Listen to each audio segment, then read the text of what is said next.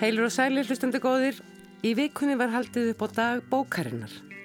Og auðvitað hengjum við okkur hér í þættinum orðum bækur í þau hátíðahöld. Og hugum um leið óformlega að stöðu bókarinnar á tímum vondrar veiru. Undir lokþáttar heyrum við svo eins og oft undan farnar vikur álit höllu Þorlögar Óskarsdóttur á einni af bókunum sem komu út fyrir síðustu jól og er engum ætlað að höfða til ungs fólks. Að þessu sinni er það fjallaverksmiðjan eftir Kristínu Helgu Gunnarsdóttur. Um miðbygg þáttar verður svo rætt við steinunni Ásmundsdóttur Ljóðskál með meiru. Steinun sendi á síðasta ári frá sér ljóðabókina í senn drópi og haf sem ekki alls fyrir löngu kom upp í hendurnar á þeirri sem hér talar og fangaði aðteklina. Meira um það eftir rómt kortir. Við byrjum á degi bókarinn.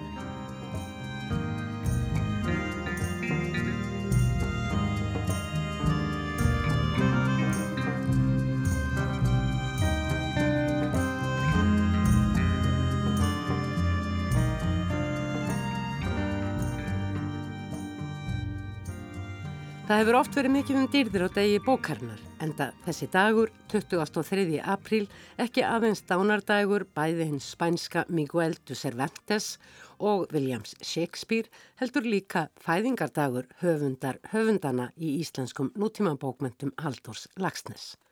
Það var menningar og fræðslustofnum saminuðu þjóðana UNESCO sem árið 1995 innleiti þennan dag 23. april sem alþjóðlegan dag bóka og höfundaréttar og stóð til að byrja með bókasamband Íslands oft fyrir ymsum viðburðum í teilefni dagsins meðal annars verða stundum hafa verið sérstaklega samin og flutt ávörp á þessum degi. Einnig minnist ég þess að gefnar hafi verið sérstaklega út bækur í tilefni þessa dags, oftast lítil sabrit, annarkvort ljóða eða sagna. Eftir að Reykjavík var bókmyndaborg UNESCO árið 2011 hefur oft verið heilmikið hullum hæ um borg og bí á degi bókarinnar og raunar alla vikuna því dagurinn hefur gerðnan markað upphaf viku bókarinnar með tilherandi samkomum. Nú er ekkert margmenni í bóði en bókinn sem fólk nýtur jú oftast í einrúmi gerir svo sem heldur ekki kröfu til þess. Evróska bókaráði heldur búið dægin í skugga COVID með því að hvetja höfunda til að byrta myndir af sér á Facebook síður ásins á bakvið bók til að minna á þá staðrend að baki hverjar bókar er höfundur. Reykjavík bókmyndaborg lit heldur ekki sitt eftirlikja og teldi fram þeim sískinum Þórarni og Sigrúnu Eldjárn með nýtt ljóð eftir Þórarinn og mynd eftir Sigrúnu. Myndin séstöðut ekki hér en hana mór skoða á heimasíðu bókmyndaborgarinnar um leið og hlustaðir á þetta skemmtilega ljóð Þórarins Þurriður Blær, leikona Les. Sumardagur bókarinnar Sælt er að lifa sumardaginn fyrsta við sægin ysta og nyrsta. Með bók í hönd við höldum út í vorið, hugurinn greikkar sporið, þýðan eblir þorið. Hugurinn stefnir ofar, innar, út á við um leið.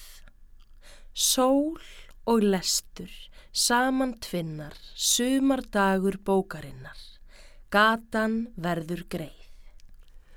Einnig má að vef bókmyndaborgarinnar og Facebook síðu Reykjavíku bókmyndaborgar fylgjast með framhaldssögunni Sleipnir og stór hættulega fjölskyldutrið.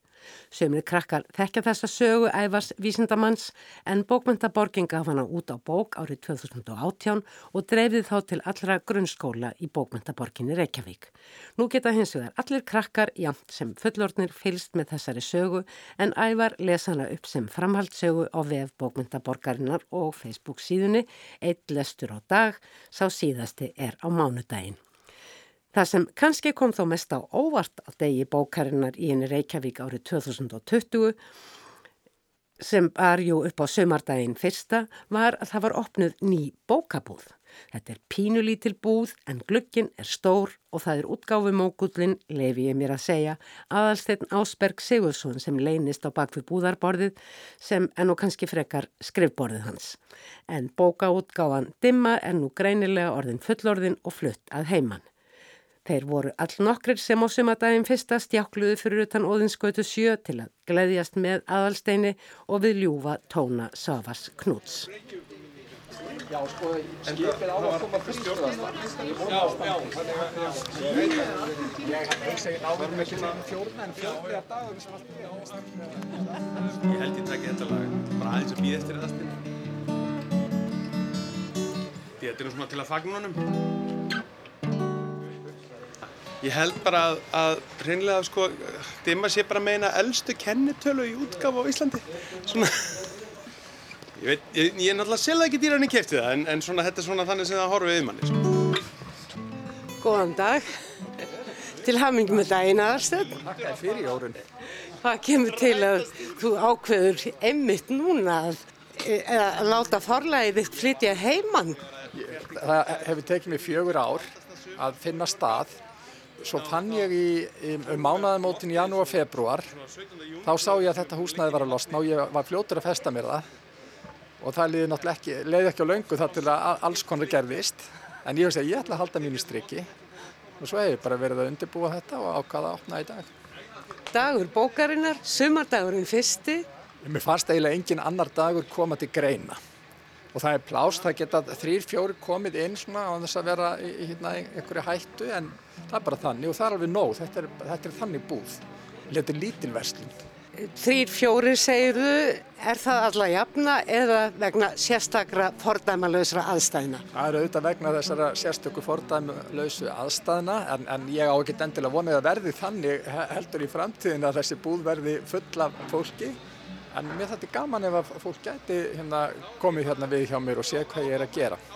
En þetta er líka dimma, forlægið dimma, þetta er bókabúð forlagsins og eh, staður forleikjarans. Já, já, þetta, þetta, er, þetta er engungu búð forlagsins og mér hefur vantað þetta andlit út á við í mörg ár og ég hugsaði sko nú er, það, það er 20 ár síðan og ég uppgöttaði þegar ég var að vinna í, í, hérna, í, í fjesbókarsíðunni, sérstaklega svona búða á heimasíðu fyrir fyrirtækið, það var nákvæmlega sama dag og ég hafði hérna stopnað dimmu.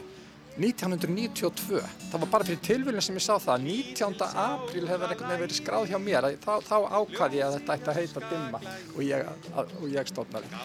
Þú ert með öðrum orðum í rauninni þeirra skoðunar að netið komi ekki fullkomlega í staðin fyrir, eh, já hvað ég segja, hefur líkamlega snertinguna. Nei, það, það kemur ekkert í staðin fyrir hana sko, það er bara, það er bara þannig og það, það má heimfara það upp og eiginlega allt mögulegt.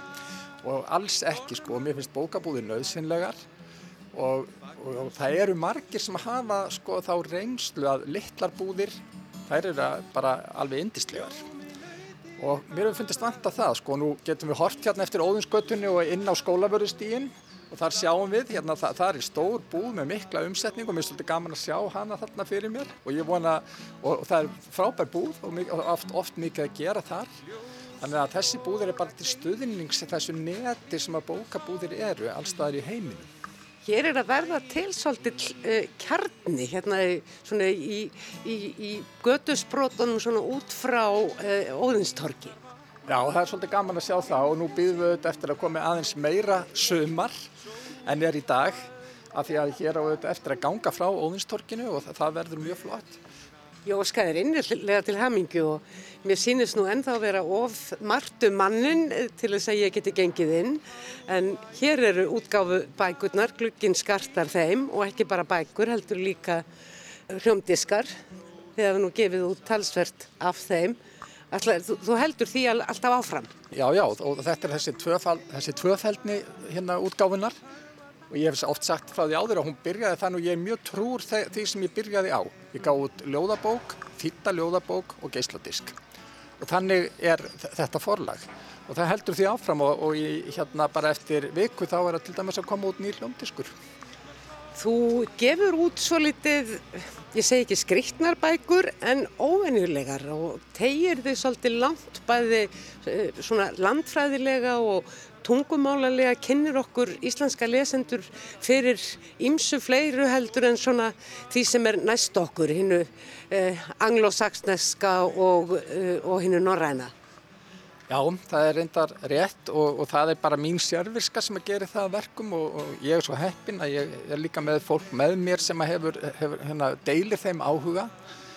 Og það skiptir mér miklu máli að vera svona ekki í, í meginströmi, ég er svona rétt utan í honum, söndir að þetta geti flokkast undir þá ströma en annað er, og, an, annað er alveg þar fyrir utan og það var auðvitað markmiðið með útgáfinni var það að gefa út eitthvað sem að aðrir væru ekkert að gera mm. til þess að auðga flórunna.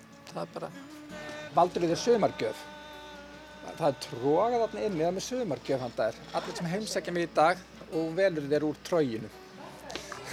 Það er ekkert annað. Nei. Sumargjöf frá með það út sko svo að hérna, ef að menn komast ekki inn þá hérna, já, já, hvaða, þetta er dagurinn sko, þessi gamla íslenska gefa sumargjöf. Mér veist að það væri svona, geti verið gaman sko. Og gætnan bóki sumargjöf. Já, mjög gætna. Gleðilegt bókasumar aðalstegn Ásberg Sigursson og til hamingu með þetta nýja reyður dimmu. Já, gleðilegt bókasumar líka Jórun og takk fyrir kominu. Á hann amal í dag? Ég skal vakk vera góð, vininum mínum smáa,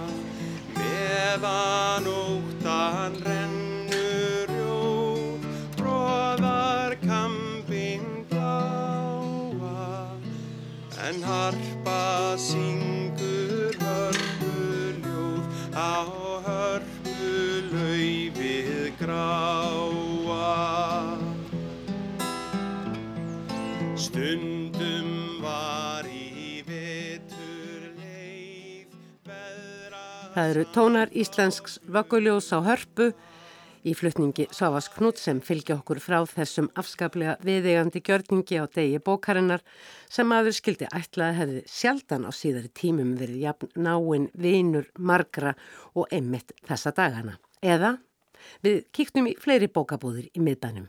Í pennanum Eymundsson stóð Birgitta Björg Guðmarsdóttir vaktina. Heyrðu, hvernig gengur í bókabúð í miðbænum þessar vikurnar?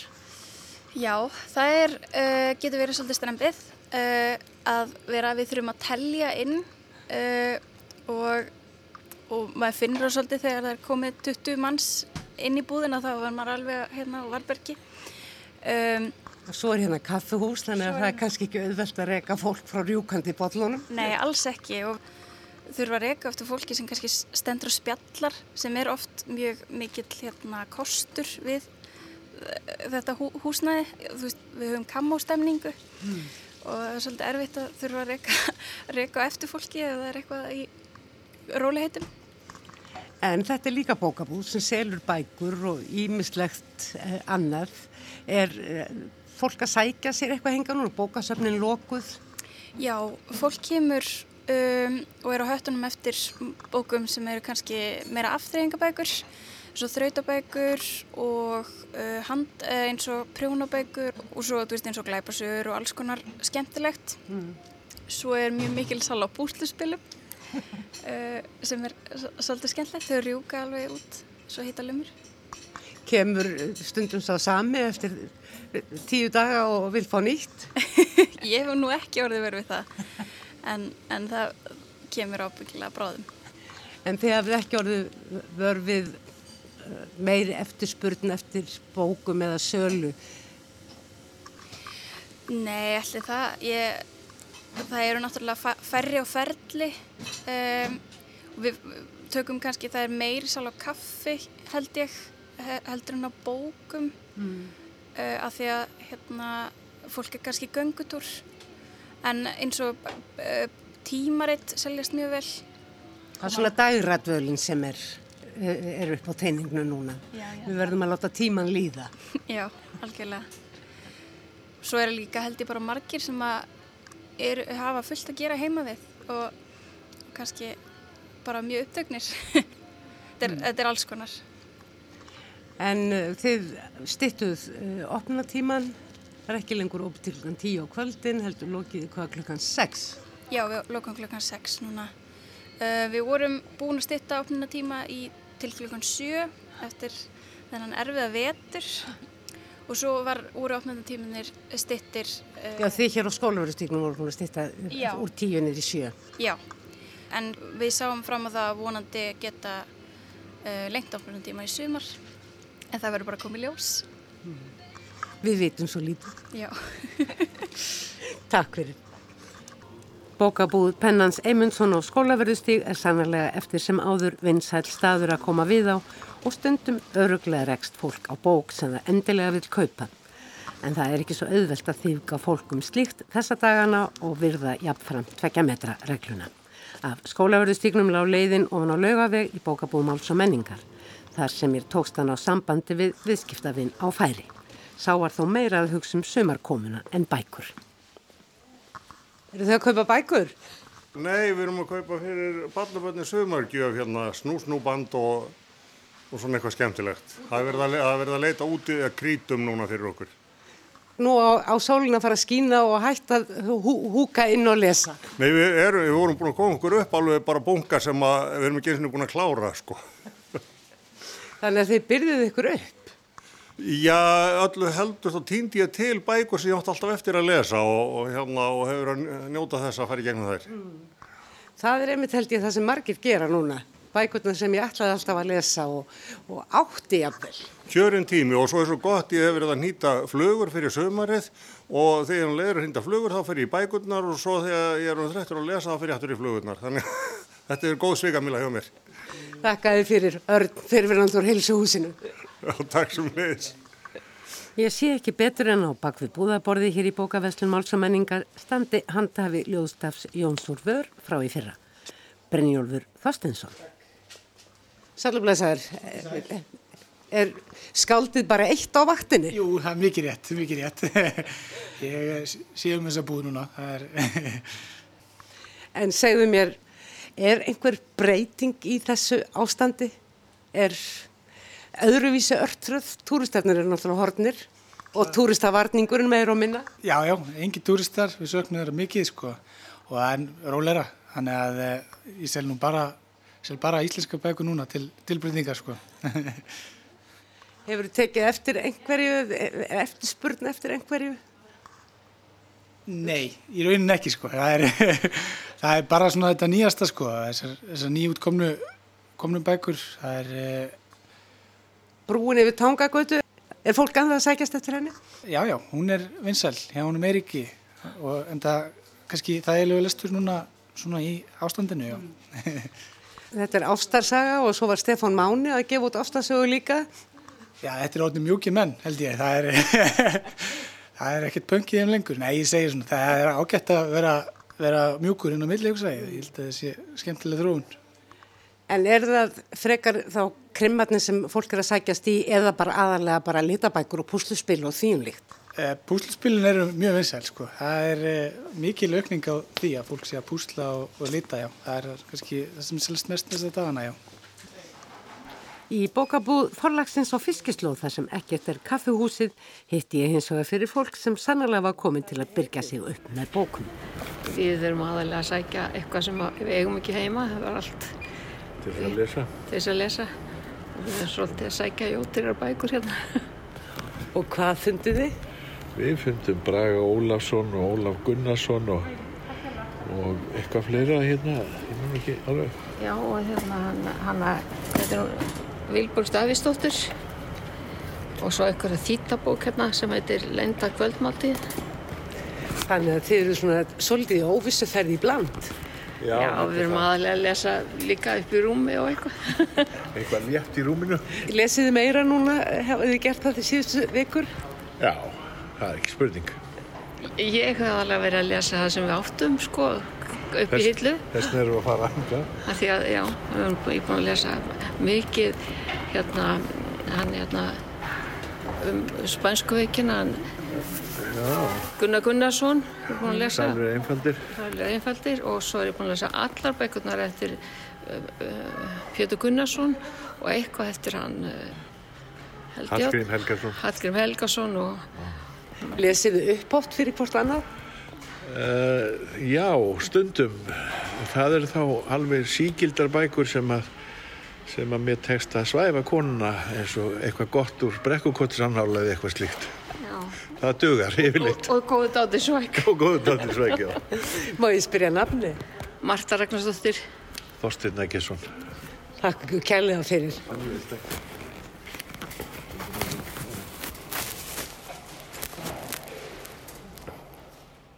Fyrirgeðu og einn okkur spyrja þig hvað þú ert að sækja. Þú ert að sækja þig garðabækur. Já, já, Á að fara að stúdira núna í, á þessum undarlegu tímum. smá eins á umdurnagarðinu og einn fyrir krakkan.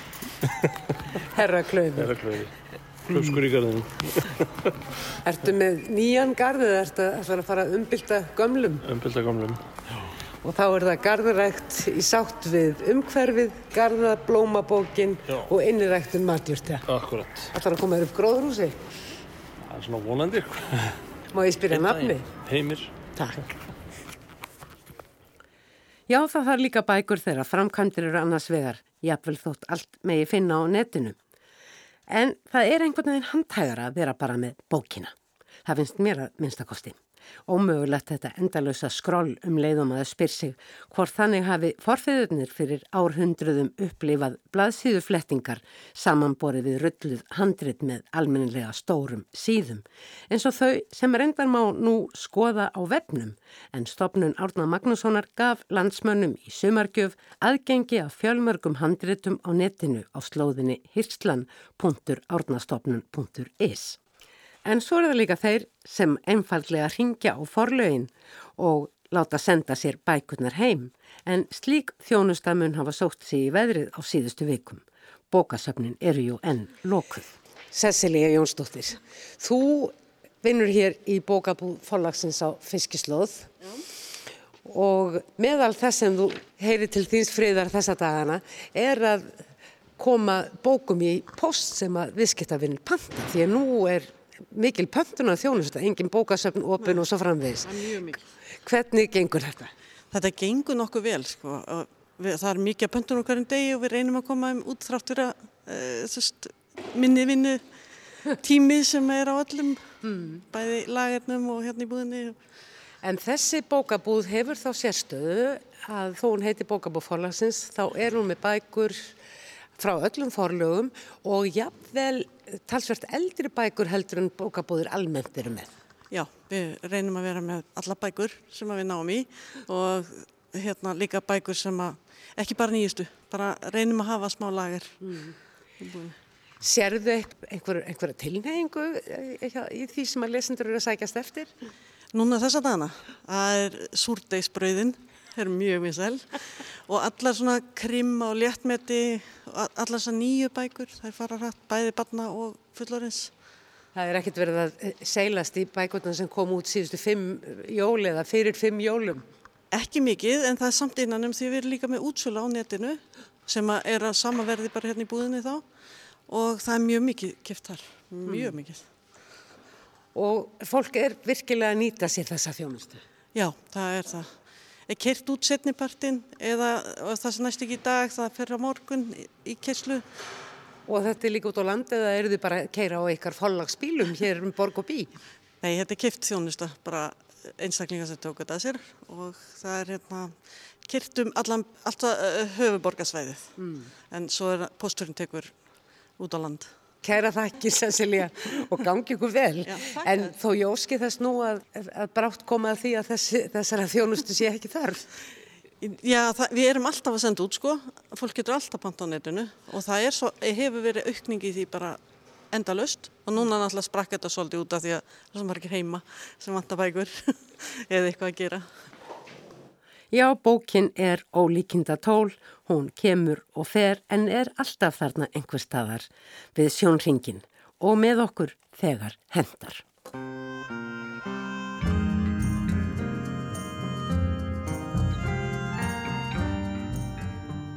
Fyrir nokkru síðan var ég að svifta til bókum í bunkonum á vinnuborðinu mín í Júdashúsinu og rakst þá á litla ljóðabók sem mér einhvern veginn hafði tekist að sjást yfir.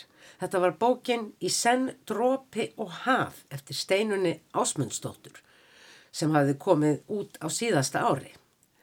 Þegar svo fáinnum dögum eftir þetta okkur starfsmönnum útvarsins flestum var gert að taka tölfur okkar og annað vinnutengt og fara heim, þá kifti ég líka með fáinnum bókum og þar á meðal var áður nefnd ljóðabók. Nú er ég búin að lesa þessa bók og komast að raunum að höfundur hennar er sannlega skáld með fortíð. En Steinun Ásmundsdóttir sendi þegar árið 1989 frá sér sína fyrstu ljóðabók og kallaði því skemmtilega nafni Einleikur á regnboga. Tvær bækur fylgdi í kjálfærið árið 1992 Dísirði og uh, Hús á heiðin árið 1996 og síðan ekki söguna meiri, 20 ár. En þá opnaði steinun ljóðvefin yrkir.is og bauð alla velkomna að njóta ljóða sinna og annara skrifa með eftirfarandi hætti. Ég heiti Steinun Ásmundsdóttir og er skáld. Eftir 20 ára þögni skáldskap er ég byrjuð aftur. Í þessum töluðum orðum opna ég vefin yrkir.is sem er byrtingar vettfangur minn fyrir það sem ég hef skrifað áður og fyrir nýtt efni. Á yrkir.is er til dæmis ný ljóðabók, Áratök tímans, með 50 ljóðum frá þessu ári. Ég er aftur komin heim til sjálfra mín, þar sem öskri býr og ángistinn lúrir, en líka sælan og heiðríkjan. Heim, búin að endur aða, endur skapa, innviðirnir tröstari, þykri, þolnari, orðafuglar, þyrlast frjálsir, um fagra veröld. Velkomin á yrkir.is. Nú er steinun henga komin, engum til að segja okkur frá ljóðabókinni í senn drópi og haf, en kannski líka svolítið frá þessum tvískipta ferli. Þú hefur komið víða við steinun. Já, þá má kannski segja það. Ég á mér einhverja lífskabla.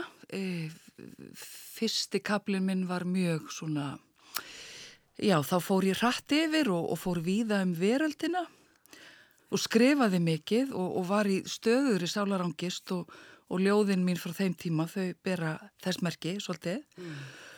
og svo kom bara að því að ég vildi festa rætur og hjartengja mig og eiga eitthvað sem ég held að væri venjulegt líf og þá kom næsti kapli og hann varð Östurlandi á fljótstalsýraði.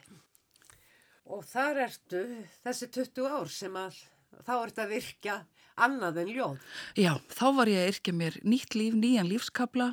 Ég var á kvolvi í bladamennsku mest af þessum tíma og, og egnaðist fjölskyldu. E, svo kom að því að þetta, þessi þörf fyrir að skrifa skálskap fór að naga mig. Og ég... Þið óræða einhver staðar? Já, já, þetta er einhver tjáning sem að brennur í mér og ég fæ ekki vikist undan henni og, og það að skrifa í fjölmila er allt annar hlutur þó að það geta alveg verið skapandi á sinnhátt. En ég sem sé svaraði þessari spurningu, ég gekk á hólum við sjálfa mig um það hvort ég geti þetta en þá mm. og það var bara eins og ég hefði skrúa frá krana og þá eiginlega hófst þriðjikablin minn mm. vegna þess að ég flutti af Östurlandi og aftur heim til Reykjavíkur. Þú opnar þennan vef árið 2016 og uh, strax 2017 kemur fyrsta bókin í nýjum lífsfluta og uh, 2018 svo næsta, þetta eru hvort vekja ljóðabækur, hinn blíða ángist og áratök tímans sem báðar vöktu aðtegli ekki sísta áratök tímans en svo kom skáld æfisaga reyndar ekki þín eigin en uh, þessi bók heitir Mannesku saga hún vakti talsverða aðtikli fór kannski ekki hátt en, en snart þá sem að til náðu Já, verðist vera. Fólk las hana í einum rikk og, og tjáði sér mjög gætnan um hana. Þetta er náttúrulega mjög uh, átakanlega saga. Já, hún og er sönn. Hún er sönn, hún er afskaplega grimm. E, þetta er saga um konu sem var mér tengt og skild og fjallar um æfinar, hún fættist 1959 og deyr 2008 og endaði sem útigangsmanniski að Reykjavík. Mm. Hún átti mjög harkalega æfi og samtíðennar skildi hana enganvegin eða það gerir sér engi grein fyrir hvers konar hjálp hún þurfti. Hún hafði gott upplag en sjálfsagt hefði hún verið greind eitthvað starf á jáfnveil einhverfurófi í dag. Mm. Uh, já, og uh, þetta, þessi saga lýsir þessum samtímanar og hvernig allir reyndu en samt kvörluðu undan vegna þess að enginn kunna grípa þetta. Tekstin í þessari bók, hann nær einhvern veginn að verða svo áleitin ekki síst vegna þess að uh, þú nærð gagvart svona tilfinninga þrungnum teksta og átakanlegum að, að, að beita aðferðum í rauninni bladamennskunar svona til þess að halda balans. Já, eitthvað sagði þetta að vera næstu eins og skýrsla. Ég er kannski ekki sammála því. Nei, eh, alls ekki. Mér var líka bent á leiðinni hvort ég vildi ekki hafa hana langa og, og gera svona eitthvað vapninga í hana. En ég ákvað af því að efnið er svo ofbásla þygt innan um sig og erfitt að þá ákvað ég að hafa hana í raun og veru stutta svona knappa halda í rauninni þér sem höfundi frekar til hljés en hitt. Já, algjörlega, en það á þessi bóka ekki verið um mig. Þetta er bara minnisvarði um konu sem að allir glemdu og ég vil að minningarna lifi svona, hún á afkomendur og það skiptir máli að vita hvað maður er sprottin. Það var líka bara þannig að ég ákvað að nú vildi ég fara að skrifa sögur, það veri komað því í mínu lífi og ég komst ekki fram hjá því að byrja á þessu. Ég mm. varð að ljúka þessu fyrst. En snúum okkur af í senn, drópi og haf. Þetta er uh, ljóðabók upp á 40-50 ljóð. Hún er daldið sérstök í byggingu. Henn er haldið saman af ljóðabalki upp á 12 ljóð sem heitir því svona mjög skáldlega en um leið svo litið uh, myrkanafni fjörbrott, dauða tegjur. Það múi segja að, að þessi bók uh, sé hveðja mín til árana fyrir austan.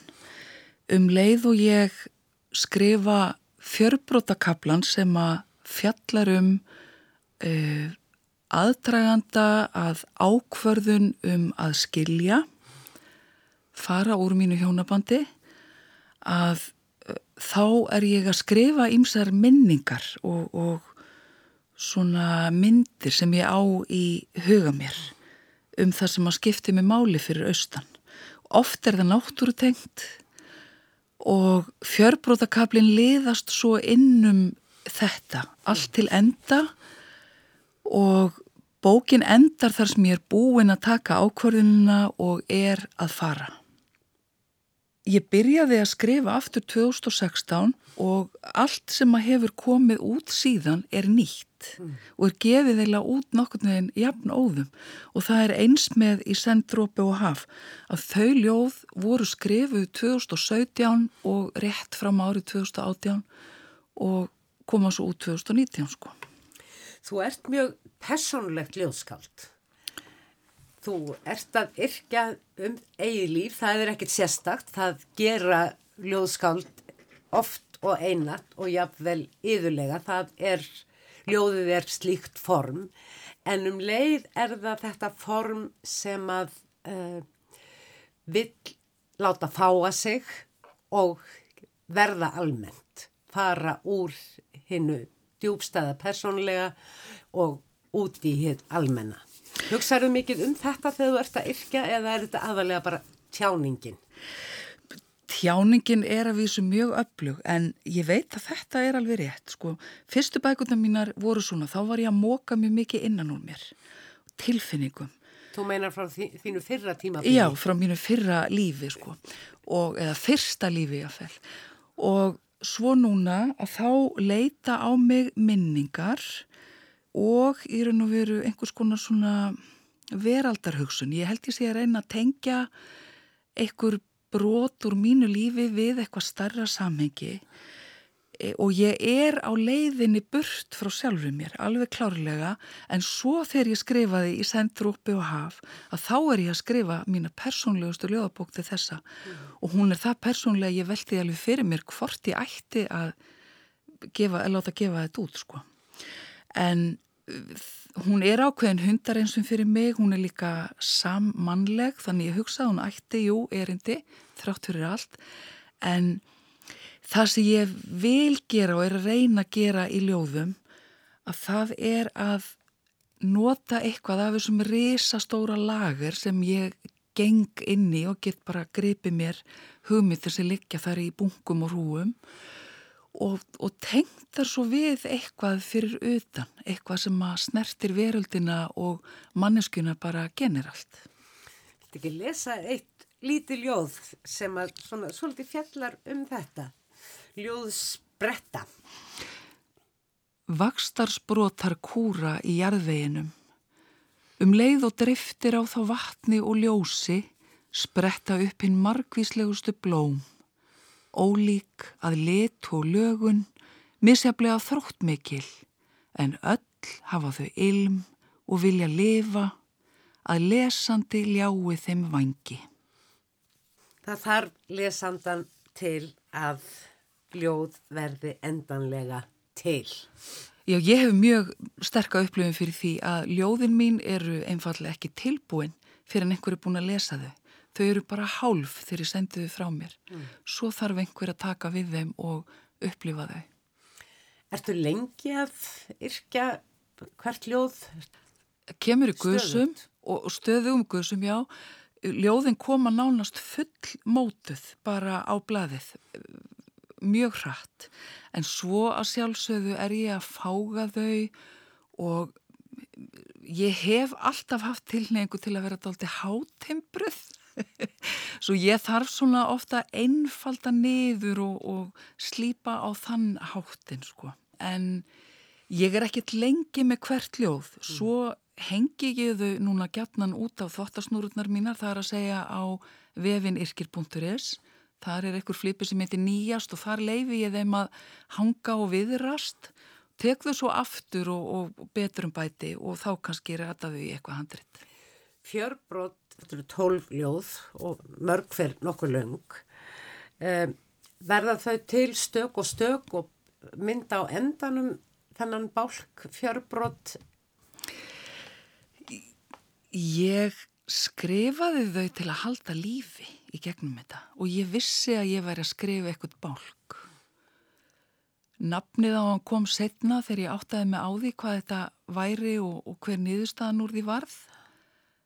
En já, ég, þetta var mín sáluhjálp. Lestu eh, eitt eða tvö svona eftir lengt úr fjörbrott til þess að hlustandin átti sig hvers konar bálkur hér eru á ferð, hvers konar saga. Ég gengum húsið og hveð, strík fingrum yfir hluti, legg lofa að þykkum vegg sem hefur áður skilt mér en er mér nú kæfandi múr. Leggað baki atvik og minningar, held síðustu jól með þessu sniði, tek mót nýju ári, óvissu hnútur í inniblum, legg ekki fræ í frjóa vormóld, skipuleg ekki sumarleifi, forðast að tala um framtíðina. Lifi af frá degi til dags með því að halda dauða haldi í líðandi stund án þess að leggja árar í bát. Þetta voru fjörbrott. Þetta voru fjörbrott 5 og svo er hér annað sem er nánast í endanum og fjörbrota kaplanum. Spyrum óttan hið innra, um beig við að eigra eigðimörk eða farast í fljótinu. Hvar er minn ferju maður? Spyrum hugur ekki lóunar sem flýgur af þrótti og list eftir arkitektsins miklu hnitum fram af heiðarbrún haustsins. Fyrrum treysti ég lífinu, faðmaði óvissuna. Nú byrð ég um hugaró, ljós flei að sigla í. Svo verður sem þú hafur nú fundið einhvers konar ljós flei að sigla í því að þú heldur nú stöðugt áfram og alltaf er eitthvað nýtt að byrtast á vefnuðinum. Meira að segja ertu farin að yrkja um hvað er maður að segja þetta fordamalösa ástand sem við búum við núna það er ekki hægt annað, þetta er, þetta er allt um kring. Mm. Mm. Þannig að þið skáldið eruð fann að bregðast við. Já, já, ég hef séð fleiri í svona hugleðingum en, mm. en já, ég hef búin að setja aðeins út á vefin af þessu. Þetta er svona bálkur sem er að vera til sem heitir vírus, en ég er ekki vissum að ég setja þetta nokkuð tíman á bók. Nei, þetta er mjög tvíbent mm. og uh, órætt þessi tímar sem við lifum og við vitum svo lítið. Við getum ekki áætla, plana. Nei, nei. Þetta er svolítið eins og að, að e, vera stattur í snjóflóði og reyna bara að hanga ofan á því. Mm? Heyrum eitt vírusljóð. Vírusvor. Í dag skín sólinn. Út yfir röði neðurlútra berst spritt þrungin blær úr forðir í verslunar. Fólk virkar umkomulaust, svona útmælt á stangli. Ómögulegt að vita hvort í þessum hlýja og áfenga loftströymi sé fólkið vor eða veira. Ekki verður umvilst að allt er á hverfanda kveli, maður á ekkert fyrir víst nema öndina í vitum sér það augnablikið, andartakið, þvingað andartakið. Steinun Ásmundsdóttir, það verður spennand að fylgjast með þér. Takk fyrir í senn drópi og haf og gangið vel. Takk.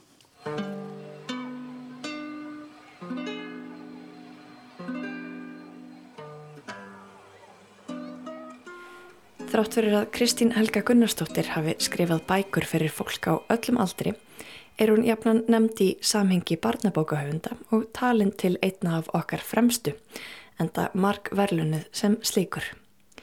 Meðal frægastu persóna hennar má nefna þær Fíusól og Binnu sem skemmtu sitt hvori kynsloð barna en svo hefur hún farið inn á pólitískari slóðir, sérstaklega í bókum sínum fyrir unglinga, meðal annars með bókinni Vertu ósynilegur, flóttasaga Ismaels sem kom út árið 2017 og fjallaði um veruleika flóttafólks. Í fyrra kom út bókin Fjallaverksmiðja Íslands og þar er Kristín Helga einnig á pólitískum nótum. Nú eru það umhverfismálinn sem eiga hug hennar á hjarta. Það er alveg hægt að gefa sér það fyrirfram að í bókinni muni fara fram einhvers konar áróður. Hér er fjallað um ungmenni sem berjast fyrir náttúrunni af hjartanstáð með æskunar djörfung. Ég hugsa að þessi stefnubóðun falli ágætlega í kramið hjá lesundum bókarinnar sem líklega eru sammála hvort sem er. Ég er það líka. Engur staðar erum við það öll. Við viljum öll bjarga náttúrunni. Er það ekki? En Kristín varpar ljósi á svo margt í frásögninni, ímsa breyskleika sem við berum svo mörg og minnir okkur á ólík sjónarhorn. Eldri lesandi sér líka hvernig henn gallhörðu prinsip ungmennana geta blásið sandi í augu þeirra þegar hæst lætur. Fjallaverksmiða Íslands er samtímasaga Ungmennin, aðalpersonunar, sem eru réttum tvítugt, eru ný útskrifuð af fjallamennskubraut framhaldsskólans í austur Skaftafellsíslu. Þau halda af stað bá hálendi og leggja undir sig brakka sem stendur tómur, nálagt breyðamerkurjökli. Þau gera hann upp, stopna þar fríríkið sem bókin er kent við og lifa þar saman í sjálfbærum lífstíl. Til að geta það trista þau á kunnáttu og þekkingu sem þau meðal annars hafa erft frá fyrir kynnslóðum. Þau gera rafstöð, bruka bjór, elda mat, smíða og prjóna. Þetta er lítið samfélag. En þau tilhera líka öðru samfélagi, því verður ekki neitað. Og einstúlkan í hópnum, Emma, er raunar heimsfrægur áhrifavaldur.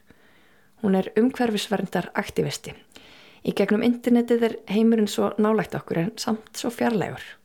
Við getum skoðað náttúruna út um allan heim, í sófanum heima, en tilfinningin að standa á jökli eftir erfiðagöngu eða frammi fyrir tignaveklu kljúfuri eru þetta allt önnur. En fylgjandur emmu á samfélagsmiðlum eru fleiri en íbúar Íslands. Hún nýtir því tækni nútímans til að hafa áhrif á heiminn en hverfur á sama tíma aftur til fortíðar í lifnaðarháttum að einhverju leiti. Fríríkið sem krakkanir stopna, fjallaverksmiði Íslands, verður bráðulega heimsfræk í gegnum samfélagsmiðlana og ekki líður á löngu þar til fjárfestar fara að renna hýru auga til þess. Þá fyrst reynir á hugsunur krakkana í fríríkinu þegar Kölski er mættur til að lokka þau yfir í hitliðið. Krakkar er koma úr mismunandi áttum. Fitz er af íslenskum ættum en alveg upp í söður-amerískri hippanílendu. Frida, sem reyndar heitir Frídom, var alveg upp af frjálslindum foreldrum í skógi í Alaska, fjarrri siðmentuðu samfélagi mannana. Restin er alveg upp á Íslandi í mismunandi aðstæðum með mis ábyrga forðamenn. Sum lærið að keira bíl 13 ára, önnur lærið að bruka bjór, einhver fættist með silfurskeið í munni á meðan önnur börðust í bökkum. Krakkarnir í fjallaversmiðinni eiga allir einhverja sögu og þær eru ólíkar. Þau standa á tvítugu um það byll, orðin sjálfráða og fóreldrarnir eru hverginæri þarna í brakkanum. En veganasti hvers og eins, bergmál æsku heimilisins, hefur mikil áhrif á sjálfsmynd þeirra. Gandhi sagði að hvert heimili var í háskóli og fóreldrarnir kennarinnir. Krakkarnir í fjallaversmiðinni segja að vegurinn sé eina raunverulega heimilið. Kristín Helga er pólitíski söguefni en hún horfir þó ekki síður inn á við. Hún vísar til dæmis í fyrrnemdan Gandhi á einhverjum stað og trúarbröður viðlóðandi söguna á marga vegu. Ísturlandsk trúabröð, andatrú og kristni koma allir sögu á meðsmunandi hátt en kjarnin er kærleikurinn. Til dæmis fer Fitz, sá sem var alveg upp í heipanílendunni með bænir sem líkast kristnum bænum en hafa ákveðið tvist sem dregur bænina inn á almennari brautir. Til dæmis, nú er ég klættur og komin á ról, kærleikurinn verið mitt skjól. Alltið góð að gefi mér að ganga í dag svo líki mér og þér. Og svo fara þau með borðbænina Móðir jörð sem minnir talsvert á fadervorið.